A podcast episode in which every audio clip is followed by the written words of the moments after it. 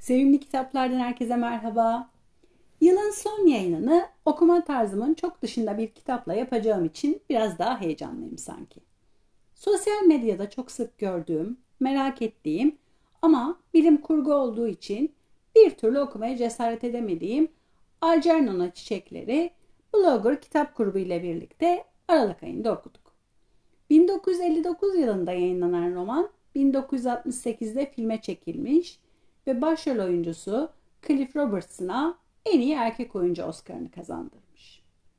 Algernon'a Çiçekler'de kitaba ismini veren Algernon bir laboratuvar faresidir. Çeşitli ilaçlar ve ameliyatlarla üstün zekalı hale gelmiştir. Ve bilim insanları bu işlemleri artık bir insan üstüne denemek istemektedir. Bunun için seçilen kişi Charlie Gordon'dur. Charlie 70 IQ'lu, çok iyi kalpli, ciddi öğrenme güçlüğü çeken 30'lu yaşların başında genç bir adamdır.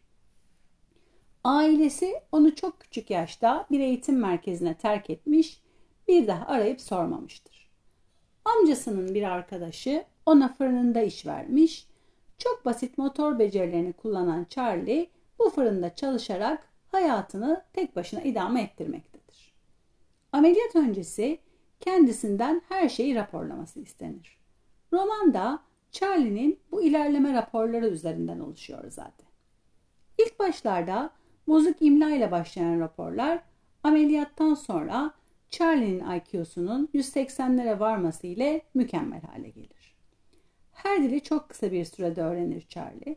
Profesörlerin anlamakta zorluk çektiği her konuyu açıklığa kavuşturur. Artık çok zekidir. Ama bir gün kendisinden önce ameliyat olan Algernon'da başlayan agresif hareketler herkesi korkutmaya başlar. Yazıldığı yıla göre epey teknik bilgi içeren bir roman. İlk başta da söylediğim gibi bilim kurgu benim pek tarzım değil.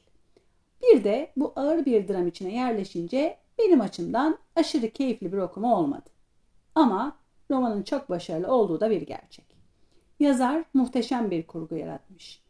Charlie'deki değişim sürecini, duygu durumlarını harikulade bir dille anlatmış. Okurken kendinizi Charlie'nin yanında hissediyorsunuz. Bilim kurgu sevenlerin çok keyifli okuyacağını düşünüyorum bu yüzden.